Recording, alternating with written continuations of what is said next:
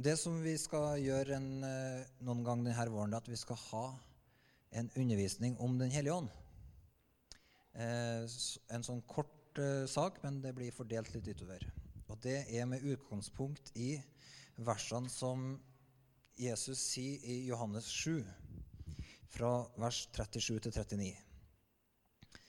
På den siste dagen i høytiden, den store festdagen, sto Jesus fram og ropte:" Den som tørster, skal komme til meg og drikke.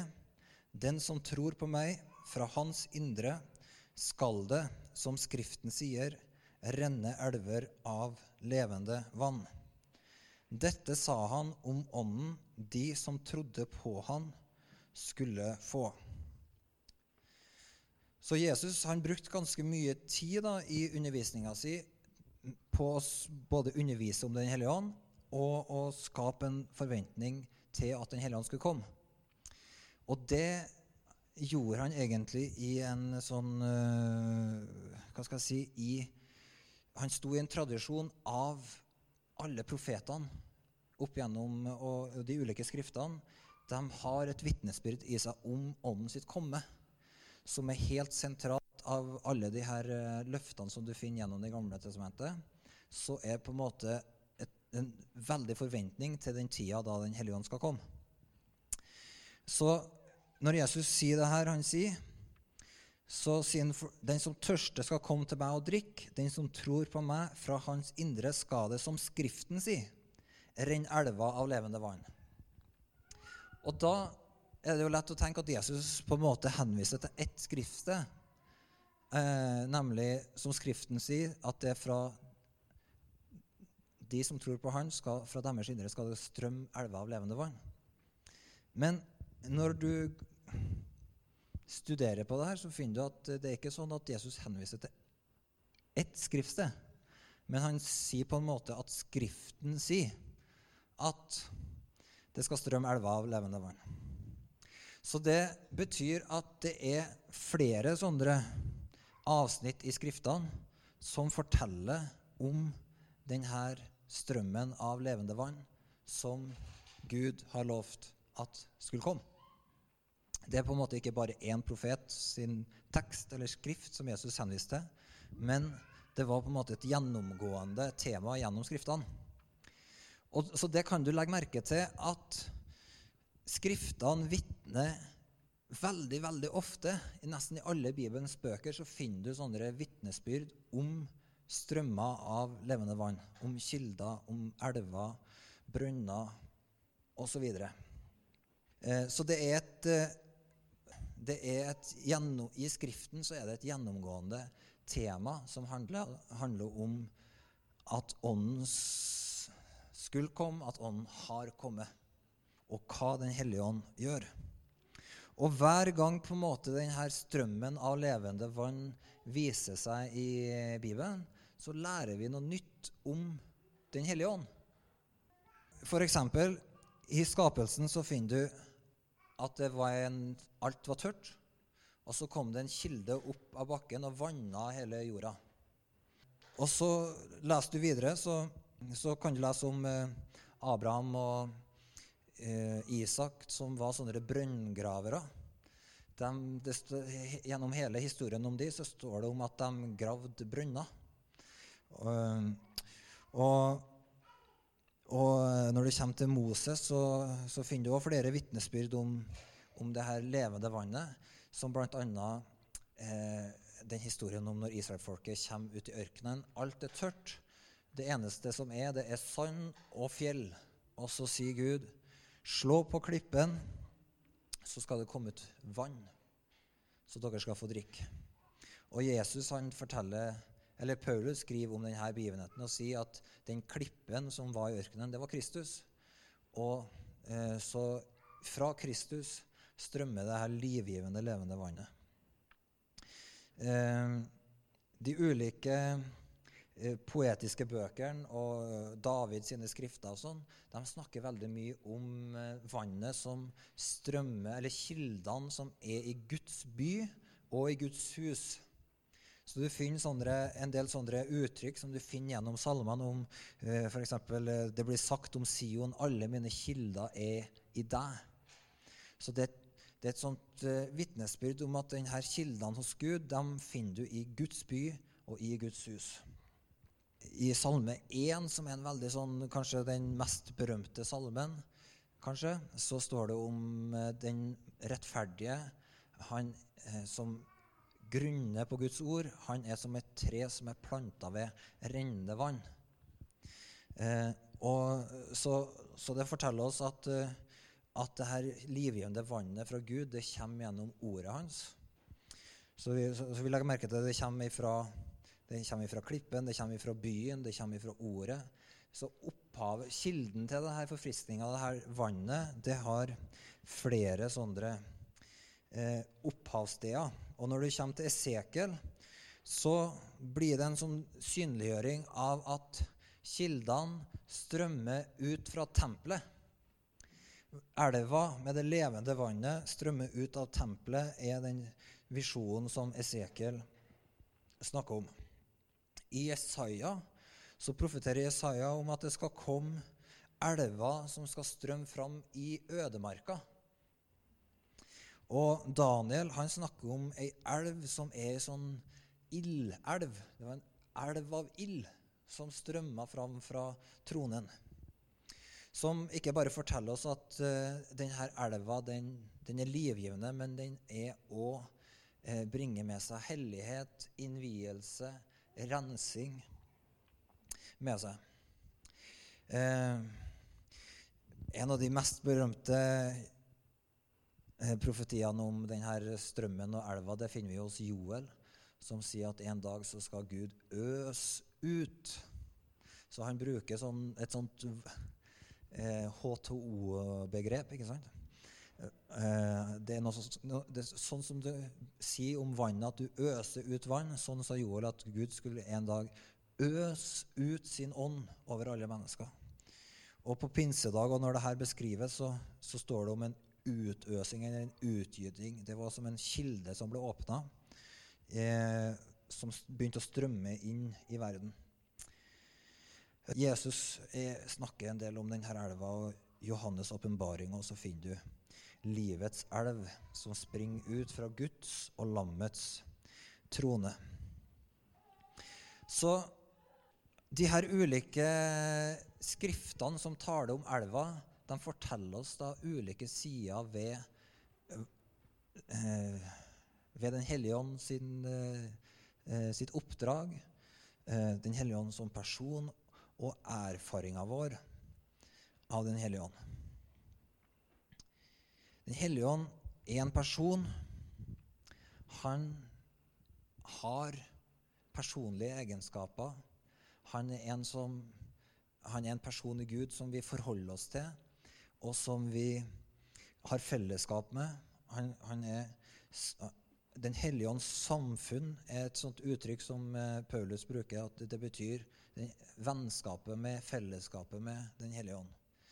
Så Den hellige ånd er en person som du kan ha vennskap med og relasjon til. Men når du leser om de ulike eh, eh skriftene sitt eh, liksom, fortelling eller vitnesbyrd om Ånden, så oppdager du at denne personen har noen sånne særtrekk. Så det, en av de tingene som vi ser når vi ser på de ulike bildene av Den hellige ånd, det er at sjøl om han er allmektig Gud, så beskrives han eller Gud åpenbare hvem han er, gjennom litt sånne altså det, Du får inntrykk av at han er ikke skjør, men var. En var person. Du, han, han åpenbarer seg som ei due, skikkelsen til en due, når han kommer over Jesus. Eh, det er liksom, Alle har jo hørt den her eh, Odd Børresen eh, Eller veldig mange har kanskje hørt Odd Børresen, som synger om måker og, og forholdet hans til måker. Og hvis du tenker på eh, hvis du tenker på liksom personligheten til måkene og duene, så eh, du, jeg, Personligheten var kanskje Men liksom lynnet, da. ulike dyr vet du, har ulike lynner. Har du tenkt på det? Så duene har et litt annet lynne enn måker. Så hvis du ser måker som slåss om maten, så foregår det på en litt annen måte når duene møtes. Eh, og, eh, og den ja, du, Når du, du, finner en annen beskrivelse av Den hellige ånd, som, eh, som går på at uh, han er som han er som en vind. Du vet ikke hvor han kommer fra, du vet ikke hvor han drar hen, du bare merker at han er her. Og vinden er Både vann og vind er på en måte både skjørt og mektig samtidig. Eh, det liksom, du kan stoppe vannet, eh, men hvis det kommer veldig masse av det, så er du liksom hjelpeløs. Du kan ta det liksom i, i, hendene og styre det akkurat dit du vil. Du kan ta en liten bekk liksom og styre den til venstre. Men samtidig så kan ei, ei mektig elv kan ta med seg det huset her på ja, Hvis det er nok vann samtidig, så fær hele greia. Eh, sånn er det med vinden òg. Den er Du på en måte Du kan stoppe vinden. Og den er skjør. Den er, men samtidig så kan den rasere en by, liksom. Men så en del av de her bildene som Bibelen gir oss på Den hellige ånd, forteller oss at han er en person som er var. Eh, gjør ikke Den hellige ånd sorg, er et uttrykk som eh, Paulus bruker. Så Det betyr at vi kan gjøre ting som får Den hellige ånd til å erfare sorg i hjertet sitt. Han har følelser, og han blir berørt av hvordan vi forholder oss til en. Så det som jeg hadde lyst til å Nå skal vi snart eh, stige framfor Gud sammen. Men det jeg hadde lyst til å si bare i dag, det er at når du blir kjent med Den hellige ånd, så husk på at du innleder relasjon til en person som er var. Som har med seg en varhet. Eh, han er ikke en brautende personlighet. Eh, han, han, er, han har en var personlighet med seg. Han, han er mektig, men han trenger seg ikke på. Så det betyr vi kan bli kjent med Den hellige ånd, men det krever at vi venter på Han, at vi tar oss tid til å lytte til Han, og at vi eh, tar oss tid til å bli kjent, være i hans nærvær og bli kjent med hvordan er det han beveger seg. Fordi det er en del av å bli kjent med Den hellige ånd. Eh, så, så en side av å bli kjent med Den hellige ånd handler om at, at uh, han er Guds ånd, men han, alle de her bildene som vi har snakket om, det er sånne uttrykk for noen ting som er i bevegelse. Så det ene er at han er var, men vi kjenner nå ved at han er i bevegelse hele tida. Vannet er alltid bevegelse, vinden er alltid bevegelse. Og det er òg en måte som vi blir kjent med Den hellige ånd på, at vi merker hva er åndens bevegelse der vi er? For eksempel Av og til så kan du erfare Den hellige ånds nærvær. At han kommer deg i møte med sitt nærvær. Eh, Bibelen beskriver Guds herlighet som en erfaring av en tyngde. Et, en tyngde det er som et Akkurat som om eh, lufta lufta blir tyngre lufta blir mer metta. Eh, veldig mange beskriver erfaringa av Den hellige ånd som sånn, det er et nærvær. Du merker at personen er her ved sitt manifesterte nærvær. Vi kan forvente å ha en relasjon til Den hellige ånd der vi kjenner hans nærvær. Og når vi av og til så tror jeg at Den hellige ånd ønsker å komme sitt nærvær på den måten for å få oppmerksomheten, få oppmerksomheten vår. Han kommer med sitt nærvær. Kanskje du sitter og ber, og så merker du i, Du sitter med ei åpen bibel og ber, og så merker du at du leser noen ting, og så kjenner du nærværet fra Gud senke seg der du sitter. Og da, det, tenker, da tenker, jeg det her Vær, vær var. Vær oppmerksom. Legg merke til det Den hellige ånd gjør.